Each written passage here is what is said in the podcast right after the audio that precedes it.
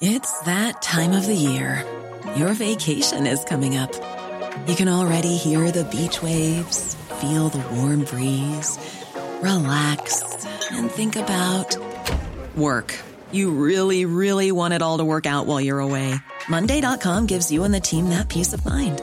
When all work is on one platform and everyone's in sync, things just flow wherever you are. Tap the banner to go to Monday.com. Hey, it's Danny Pellegrino from Everything Iconic. Ready to upgrade your style game without blowing your budget? Check out Quince. They've got all the good stuff shirts and polos, activewear, and fine leather goods, all at 50 to 80% less than other high end brands. And the best part? They're all about safe, ethical, and responsible manufacturing. Get that luxury vibe without the luxury price tag. Hit up quince.com slash upgrade for free shipping and 365 day returns on your next order. That's quince.com slash upgrade.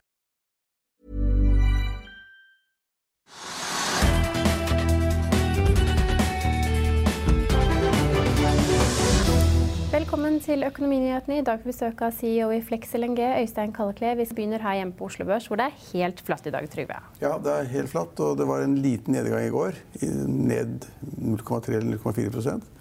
så var det jo igjen det, den interessante situasjonen at man på de amerikanske børsene fikk nye rekorder. Både på Nasdaq og SMP 500. Så det er vel da mange som tror at man får da nye rekorder der. Ikke så mye, men litt. Grann, så tror man kanskje at det smitter over på Oslo Børs. og at, at investorene blir litt mer, synes det er litt spennende når det er all time high, men det er det ikke. Altså, det er ikke smittet opp på Oslo Børs i det hele tatt, tror jeg. Og oljeprisen holder seg relativt høy, på 64 ja, dollar fatet. Men det som er interessant, er at oljeprisen holder seg veldig flat. Den, altså, den ligger på 63,5 eh, dollar per fat for Brenten. Og det har ligget nå i mange dager, kanskje en hel uke. Så det er veldig liten variasjon i oljeprisen. Og det, så man kan liksom ikke tolke noen trender eller eller noe annet som påvirker markedet ut fra oljeprisen. Det er klin flatt. Og så kan man lure på hvorfor er det slik.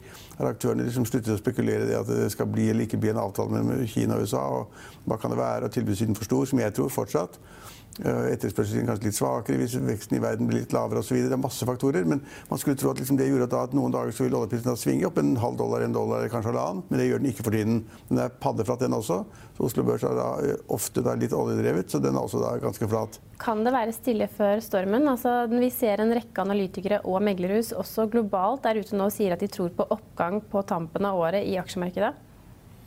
Nei, det, det, har jeg ikke noe svar på. Jeg, altså, det er jo ofte slik at man liksom lager prognoser for neste år på slutten av året nå, og så skal alt gå bedre og komme nye estimater og nye, nye tall for inntjening per aksje osv. Det kan være at hvis man nå er ferdig med 2019, og nå skal man lage prognoser for 2020, og så blir det litt å gå på. Men de fleste er jo engstelige for altså, da, veksten i verdensøkonomien. At da nye Twitter-meldinger fra Donald Trump kan påvirke markedet. De er, de er nervøse for at disse handelsavtalene bryter sammen. Eh, I USA er man veldig opptatt av skattereglene hvis det kommer et nytt regime fra demokratene. Det er sendinger hver eneste kveld. Hvor da liksom da det angriper på de såkalt rike ved at uh, demokratene da vil innføre helt andre skatteregimer. Sterkere beskatning av utbytte, sterkere beskatning av lønninger, sterkere beskatning av selskaper osv. Det er ofte veldig negativt for investorer å tenke at dette er ikke bra. Men akkurat nå så er man avventende, og så får man likevel nye rekorder på børsen. Man er avventet til mye rart. Ja, USA-børsene åpner jo svakt opp i dag. I, det, I, morgen er det thanksgiving, og, og, det er vel halv børsdag på fredag. Det er ikke da Trump skal frede en sånn eh, kalkun? Eller var det i går?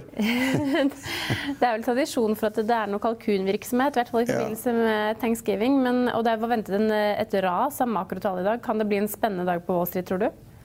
Jeg tror altså ikke det. for nå tror Jeg det er såpass, altså jeg er opptatt av usikkerhet og investeringer. og Det er så mye usikkerhet i markedet som både går på selskapenes resultater og så går det på utviklingen fremover, og så går det på den amerikanske økonomi generelt, som da gikk veldig bra. Altså, slapp, altså Veksten har gått kraftig ned. For, for å forvente en vekst på 3-4 på årsbasis, så er man nå kanskje ned på 1% eller 1,5% Det er en kraftig reduksjon. og så Samtidig kom meldingen om at boligmarkedet i USA er ganske sterkt igjen. Eh, mer enn man hadde regnet med. Og Den sektoren pleier da å påvirke resten av økonomien. så Det er veldig vanskelig å si hvilken vei det går. og det er, Når du er liksom på all time high, så vil jo de fleste konservative og fornuftige investorer de vil da holde litt igjen og se liksom, hva er det som skjer. Ta hensyn til usikkerheten. og kanskje Det er litt dumt å gå inn på topp. da. Det er ingen som vil like å bli liksom beskyldt for å ikke gå inn på topp. at Markedet er usikker. Jeg vil tippe at USA vil også være ganske usikker. Og så må man da vente på helt nye drivere. Og de driverne er ikke der nå. Ikke på oljeprisen for Norge. Vi ser både Equinor og Aker BP er pluss-minus null, liksom. Det er ingen endring. Uh, og det er heller ikke andre selskaper som er vesentlig påvirket av oljeprisen, som kunne vært det. Så det er, det, jeg vil si det er en avventende, avventende holdning. og På Oslo Børs ligger vi der vi ligger, og på USA så øker man hele tiden litt. grann. For det er store beløp som skal investeres, det er store liksom, ting som må være i markedet hele tiden. Så da får man en litt, litt lettere tilgang til markedet. Ja. Også, men, vi, men, det har jo skjedd ting på Oslo Børs i dag likevel? Det har ikke vært helt, uh, det ikke helt paddeflatt? Nei, det er, jo det er paddeflatt, men det er ikke det er helt dødt. Men ikke i alle aksjer? Nei, jeg så at Norwegian har da vært ned eh, 2-3 i dag, og under 40 kroner igjen. Så det betyr at de som da mente liksom at nå var alt i orden med ny refinansiering, nye penger, ny emisjon osv., at nå går alt den riktige veien, og ny konsernsjef og ny styreleder at liksom nå er alt i orden. Det ser ikke ut til at markedet helt kjøper det når de setter, sender kursen ned under 40 kroner igjen. Det er litt usikkerhet i Norwegian ganske kraftig. Og så kom det en melding som jeg ikke har fått lest.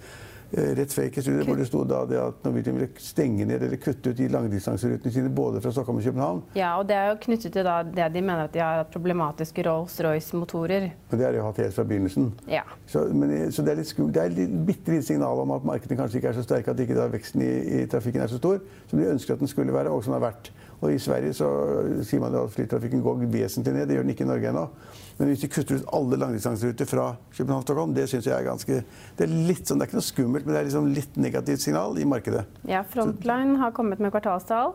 Skuffet på kvartalstallnivå, men overrasket positivt på utbytte. Likevel er det nesten ingen utslag på aksjekursen.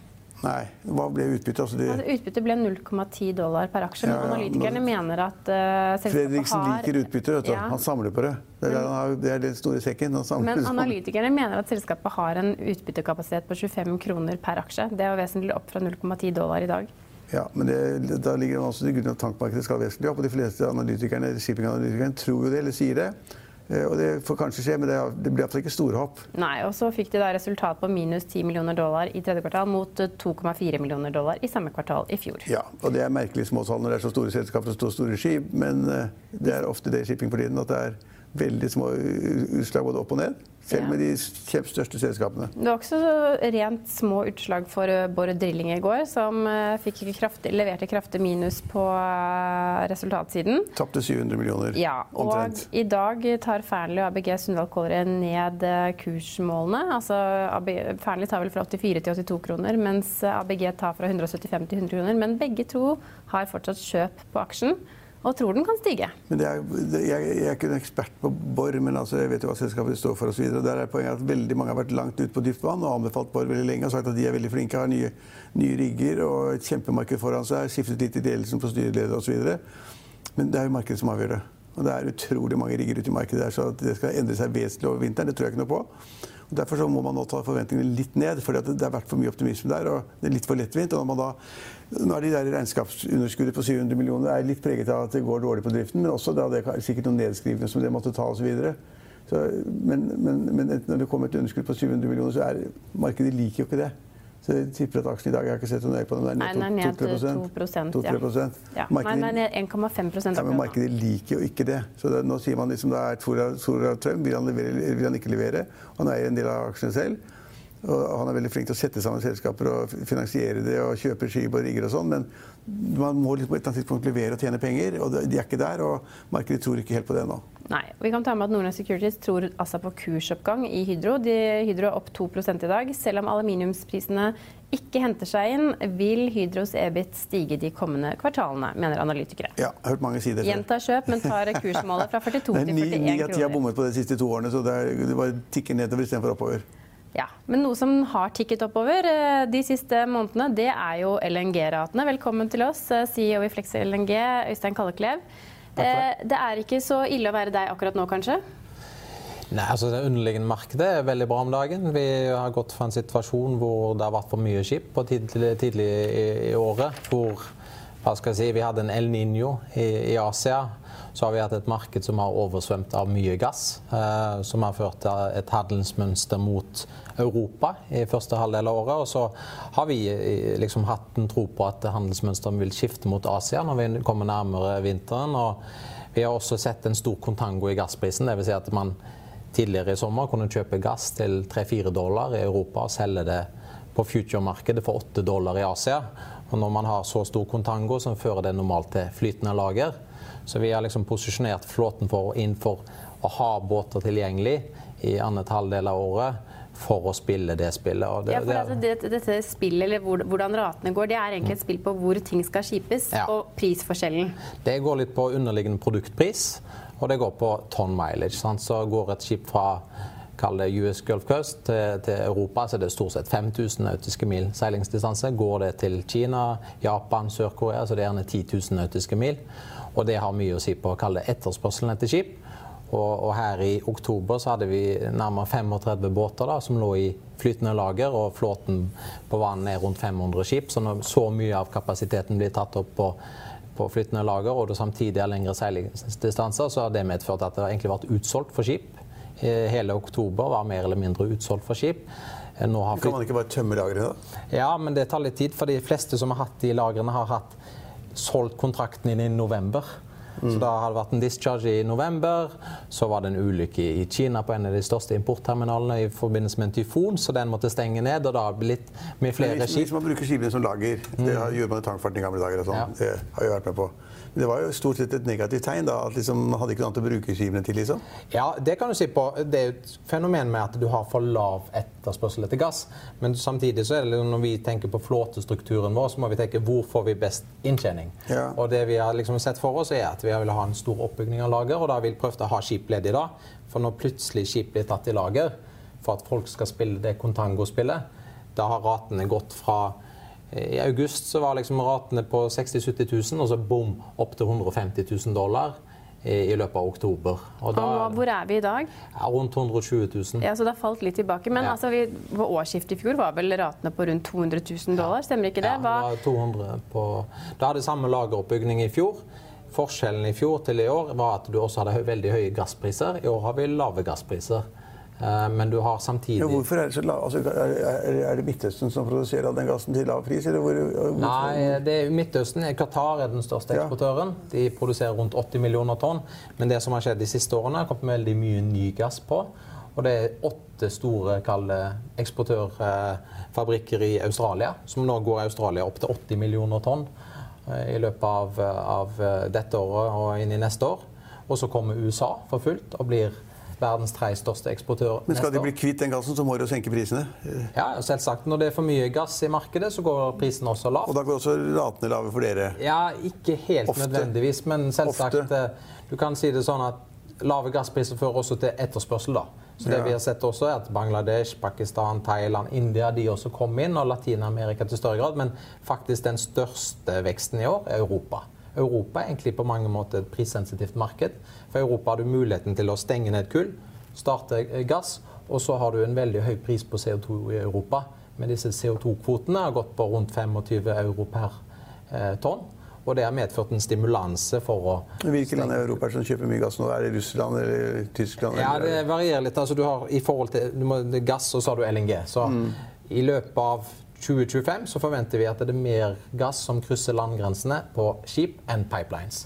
Så Europa har vært primært Euro Russland og Norge de har fått gassen sin. Men hvis du ser på land som Spania, som ligger langt unna de eh, eksportørene, så har man mye import. UK har begynt å bli en stor importør av, av gass. De har jo mer eller mindre stengt ned kullindustrien. Uh, vi ser at uh, Nederland, som har vært en eksportør i det, europeisk sammenheng pga. Grønningen-feltet, går nå fra å bli en importør fordi de skal stenge ned Grønningen-feltet. Og så ser vi også Polen har sagt at de skal stoppe Men da blir jo disse transportavstandene små? Ja, Ikke hvis det er gass. Det kommer an på hvor gassen, hvor gassen kommer, fra. kommer fra. Qatar, så skjønner jeg det er ganske langt dit. Ja, altså I Norge så er vi syvende-åttende største eksportør av gass i verden, men nesten alt er jo pipeline. Mm. Så det, den gassen som kommer inn til Europa nå, har primært kommet fra Russland. USA, Qatar, Algerie. Disse svære LNG-skipene de er noen svære greier. I'll see you in court. Vi sier det ofte litt på spøk, men for deg som driver business, er det aldri moro å innse at du ikke har laget en 100% gyldig kontrakt. Du bør ikke risikere hele firmaet ditt fordi du synes dette med kontrakter er litt stress. En avtale er ikke en avtale. Du kan miste kunder, miste venner, ja, til og med miste inntekter om du ikke lager en skikkelig kontrakt, på alt mulig, egentlig. Men vi vet det er et styr, kopimaskiner, tregprinter og haugevis av papir. Dessuten stoler vi jo på folk her i landet. Det er ofte litt kleint å skulle be om en signatur for alt mulig, ja, for mye av styret handler også om jakten på underskriften. Det finnes en enkel måte å løse dette på. Dukkobit. En trygg, effektiv og get this, gratis måte å sikre seg en god natts søvn pluss en juridisk bindende avtale. Dukkobit-appen har de strengeste sikkerhetskrav i bunn, samt en EU-godkjent og sertifisert teknologi. Framover vil det bli behagelig å spørre du, skal vi skrive under på det, eller? Kom i gang på dukkobit.no. 290 meter, cirka. Ja, det er svære greier. Og de, og de koster, hvor mye koster det sånn gjennomsnittlig? Nesten 200 millioner dollar per Ja. Ok, det var det jeg tenkte. Så, altså, det, er, det er ikke mitt spesialområde. Men det er 200 millioner dollar for et sånt skip. Ja. Da skal man være ganske rik som reder og ha mye penger å gå på når man kjøper det. Og dere har en flåte på 10-15 stykker Ja, vi har 13. Ok, Så det er 2,5 milliarder dollar. Dere har fem-seks og- i levering? Men da, men da når dere har så ser jeg på liksom tallene Det blir jo liksom små resultater. da. Det er jo kjempeskip, kjempedyre, og så er overskuddet så stort, liksom. Ja, men nå har vi seks på vannet nå, så vi har tatt levering av to i år. Så vi har gått fra fire til seks, og så har vi fem for levering neste år, og så to i 21. Så, så Så sånn vi da se overskudd på 100 millioner kroner, liksom? Eller, ja, ja, ja, det forstår jeg, men hvis du har Vi har guidet fjerde kvartal. Når vi var ute med tredje kvartal forrige uke, og da leverte vi et, eh, det, det som vi kaller en clean apps da, på rundt 10 cents, og så har vi sagt utbytte 10 cents. Vi betaler det ut. Og Grunnen til det er at vi fikk på plass en stor finansiering på 630 millioner dollar for alle 2020-skipene. Og så har vi guidet veldig sterkt på fjerde kvartal. Og så har dere en, en stor eier som er glad i utbytte, kanskje også? Jo, men altså, jeg tenker på altså, hva var overskuddet i tredje kvartal? Nei, det var 400 000 dollar. Altså, men det var, det var, vi hadde litt one-offs. var Jo, jo, sånn- men det har man alltid. Sånn swap swapper som Ja, jo, jo, jo. Så hvis du sier på clean inntjening og ja, ja. Clean inntjening rundt 5 millioner dollar. Så det, Fem? Ja. Men det er jo ikke mer enn altså, du og jeg kan ta til frokost. Når det er sagt, så har vi guidet et Q4 da, hvor vi har sagt en, en inntekter på rundt 50-55 millioner dollar på de seks skipene i ett kvartal. Og det gir implisitt sånn 90 000-100 000 dollar dagen i inntjening på skipene. Eh, og da blir det betydelig mer penger. For dette er jo ikke dette, Når du, ratene går, så blir det eksponentielt på bunnlinja. Ja. Og da blir bunnlinja Men jeg tenker liksom på det liksom at det er kjempeskiv, kjempeskip. Dominerende ser fryktelig nydelig ut, og så koster de 200 millioner dollar. ja. Og så blir det ikke så mye igjen. da. Altså, og, og, så er Fredriksen fornøyd med det. Det er, liksom, det er, det er småpotatis, da. Ja, altså, men det, det har jo også litt med at du bygger opp driften nå. da. Så, så selvsagt, i, liksom, hvis du kommer i Q4 og vi skal, den guidingen da hvis du liksom, Stort sett er alle avskrivninger, finanskostnader, de er faste. Ja. Er fast. Så det du øker da, når du går fra en topplinje på 30 til 50-55, Ja. så legger alt det seg på bunnlinja. Så da går du liksom fra levere kall det clean 5 til å levere mer 25-30 millioner dollar. Men et, et godt år, da. La oss si at Om det er 2020 eller 2021 eller er 25, jeg har men et godt år med en flåte på 13 LNG-skip. Mm. Hvor mye burde man tjene da? 13 skip. Sånn, vi har, det vi har sagt nå, er å kalle det en cash break-even på, på rundt eh, 45 når alle skipene er levert. Sant? Og da hvis du genererer da, La oss bare sånn, la, ta noen eksempler her. da, så Hvis du genererer eh, 75 000 dollar dagen da, på snitt, snitt på Ja. det, og da har du i utgangspunktet Minus 40, ja, 35. 10 millioner dollar per skip ganger 13, 130 millioner dollar da, på bunnlinja. OK, 130, eh, en milliard. Det blir jo litt penger, der, da. Milliard, milliard Der snakker vi litt mer enn noe du svelger til frokost daglig. Nei, ja, det er bare en milliard, da. Ja, det er jo litt Nå dollaren er 9,17. Ni- ni- så ja. Man må være veldig Litt- god med milliarder for å si bare en milliard. Jo, jo, jo, det er penger, det er bare en òg. milliard. Så, altså Markedcapen i dag er vel rundt 520 millioner dollar, så du kan, du kan, du kan tjene inn markedcapen din ganske raskt. da. Ja, og, og, og da når vi er cash break even på de nivåene, også, så betyr det at vi kan betale ut nesten alt eller alt i utbytte. Og da blir det ganske hyggelig. Men, men cash break even og dagrater er jo viktig. Det var jo forventet et kraftig oppsving i ratene. men Du sa vi var oppe i 150 000 Mm. Ja. uh, i oktober. Men det, har det dempet seg nå, eller forventer man fortsatt oppsving utover uh, Nei, Ja, det, er, det er litt sånn binært her, for vi har en situasjon nå hvor du har en pipeline fra Russland via Ukraina inn i Europa. Uh, og russerne og ukrainerne forhandler og forhandler. De har en tiårsavtale som går ut uh, på nyttårsaften. Og EU prøver å hjelpe til der, men de blir ikke enige om en ny avtale. Selvsagt, så det er litt sånn Blir den stengt, så betyr det enormt mye volum som må inn i Europa. Og Europa har nå fulgt opp lagrene sine med gass i tilfelle dette skjer. Så får vi se om det skjer eller ikke. Men, eh, men i utgangspunktet sånn hvis, hvis La oss si det løser seg. Da er vi jo nok kommet på en sånn det er peak sesong. Ja. Altså, litt avhengig av været. Været spiller enormt mye rolle her. og det er litt sånn, Får man en sånn kald vinter i Europa, så bruker man mye mer gass. Og da kan man nok kanskje se at ratene bouncer tilbake igjen. Men det er som sagt det er veldig værdrevet, dette her. Og det samme med Asia er tre fjerdedeler av etterspørselen. Og hvordan temperaturen er i Kina, Japan, Det er, Korea har det mye er å si. vanskelig å være toppleder i et sånt selskap. da. Så mange pipelines av land og kull og ut inn og dårlig vær. og... Ja, men vi, altså, vi prøver jo å posisjonere oss og ha et markedssyn. Ja. Så, og, og selvsagt, vi prøver selvsagt å, å ha kontrakter med befraktere som Det er et kontinuerlig behov. altså Det er jo ikke sånn at folk, folk liksom ikke har behov for gass, men det, det er jo også en stor driver her at kull skal ut, og det skal erstattes med gass. Men dere inngikk jo en kontrakt med Cleric Shipping på mandag. Det var en langsiktig kontrakt med mulighet opp mot ti år Ja, varighet. Men, men er det slik at det er langsiktige kontrakter dere posisjonerer med så stor flåte og, og skip i levering? Er det langsiktige kontrakter som er veien å gå, eller hva, har dere noe Ja, sånn som vi har tenkt, så er det, det, Dette er de mest moderne skipene du får tak i. Så for eksempel det skipet vi gjorde en kontrakt med Cleric, det er eid det kaller tradinggruppen eh, Gunvor. Eh, og da er det et skip som For det, det som er utfordringen med, med LNG, det er minus 160 grader, så det er på en termos. Og det å holde noe minus 160 grader, det er ikke så enkelt. Så du må ha en veldig god isolert termos, men den termosen er ikke perfekt, så du har noe oppvarming. Og da for at det ikke skal bygge seg trykk i tanken, så tar vi ut den gassen, og så brenner vi den for å, for å liksom skape framdrift. Det det, det nye skipet som de får nå, har et såkalt full relix-system, så det vil si at vi kan ta nær, altså 65% av det avkoket kan vi kjøle ned igjen og putte tilbake på tanken. Så det gir de enormt mye fleksibilitet med at de kan ha det som lagerskip, at de kan gå på en mye saktere, altså slow speeding med skipet. Og da synes, har de liksom ønske om å ha dette i sin langsiktige portefølje uh, for gass. Og da er det en kontrakt med minimum fem år, men opp til ti år. Og de annonserte også på mandag at de har tatt over det salg- og markedsføringsansvaret for et prosjekt i USA som heter Commonwealth LNG. Eh, Hvor det er ganske mye volumer som kommer ut, og hvor de har kommentert seg for mye av de volumene.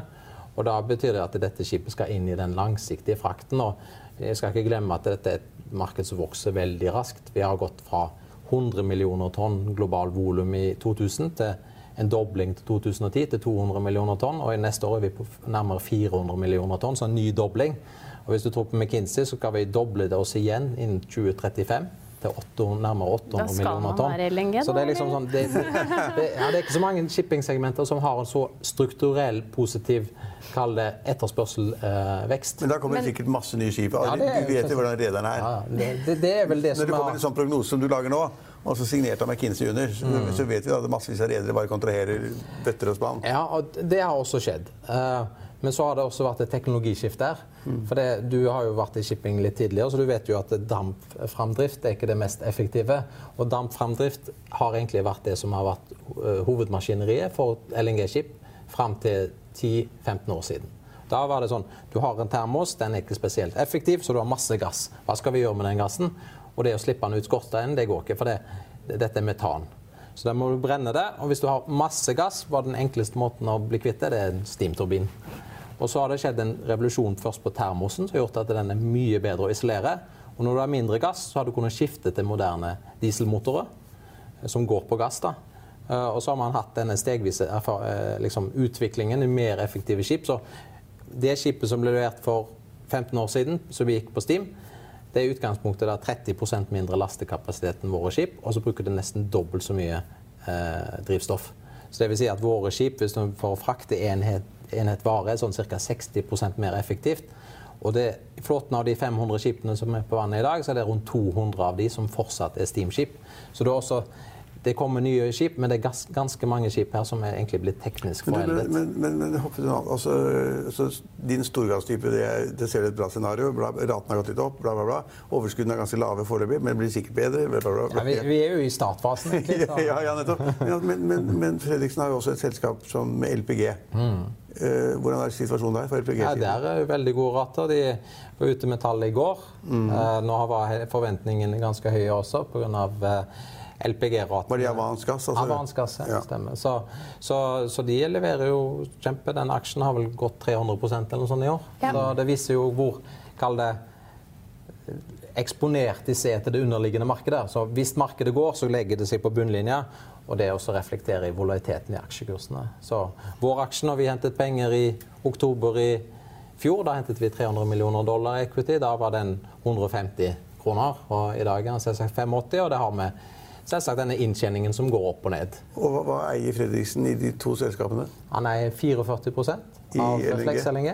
Ja. Og så eier han i overkant av 20% i Avans. Ja. Fikk ikke dere også BV Group inn på eiersiden så vidt det var her? 1,5 ja, Jeg vet at Bjørn Segerov har skrevet mye om det. så de, Ifølge aksjonærlistene så sitter de med 1,5% Det var ikke mye, da? Nei. Nei, det var ikke noe skryt av. Men det var det, var, det, var det Finansavisen skrev om som var spekulasjonen. Mm. Var det om det var begynnelsen til å kjøpe mer? Ja. Men det får man aldri svar på. Hvorfor skal investorene fortelle hva de skal kjøpe? Men, Nei, jeg bare tenkte det var greit å nevne det hvis jo, jo, vi har skrevet om det. Så det kan jo folk tenke det. Ja, men de har kjøpt halvannen prosent. Ja, halvannen prosent. Ja, ja.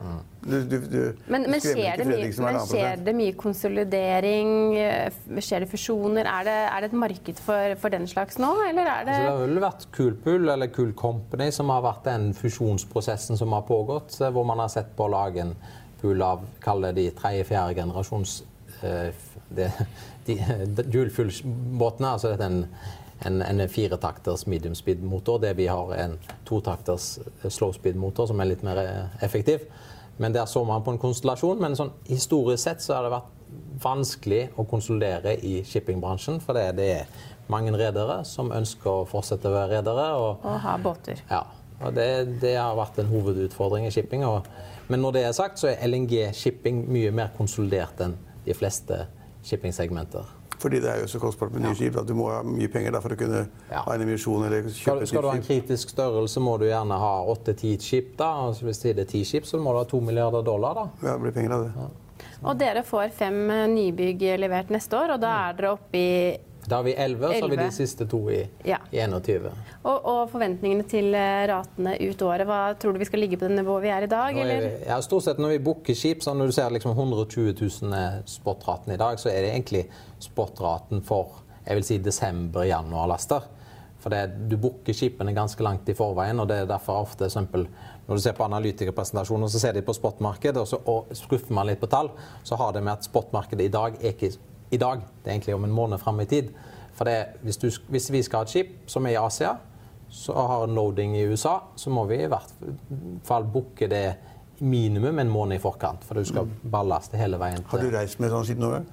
Jeg har vært på skip, men jeg har ikke, reist veldig langt. Du har stått på broa ja. eller sett på champagneplassen champagneflasken i Drøpen. Du har ikke reist med det noen gang? Nei, jeg har jo vært ute på skip som er i drift. Ja, og, og, og, ja så klart.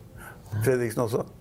Det vet ikke jeg. Det er en stund siden. Det er en stund siden du har hatt med Fredriksen på seilas.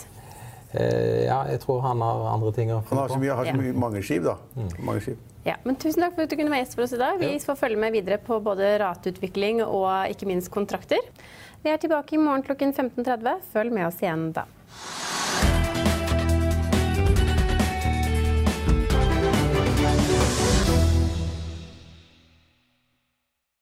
Økonominyhetene er en podkast fra Finansavisen. Programledere er Marius Lorentzen, Stein Ove Haugen og Benedikte Storm Bamvik.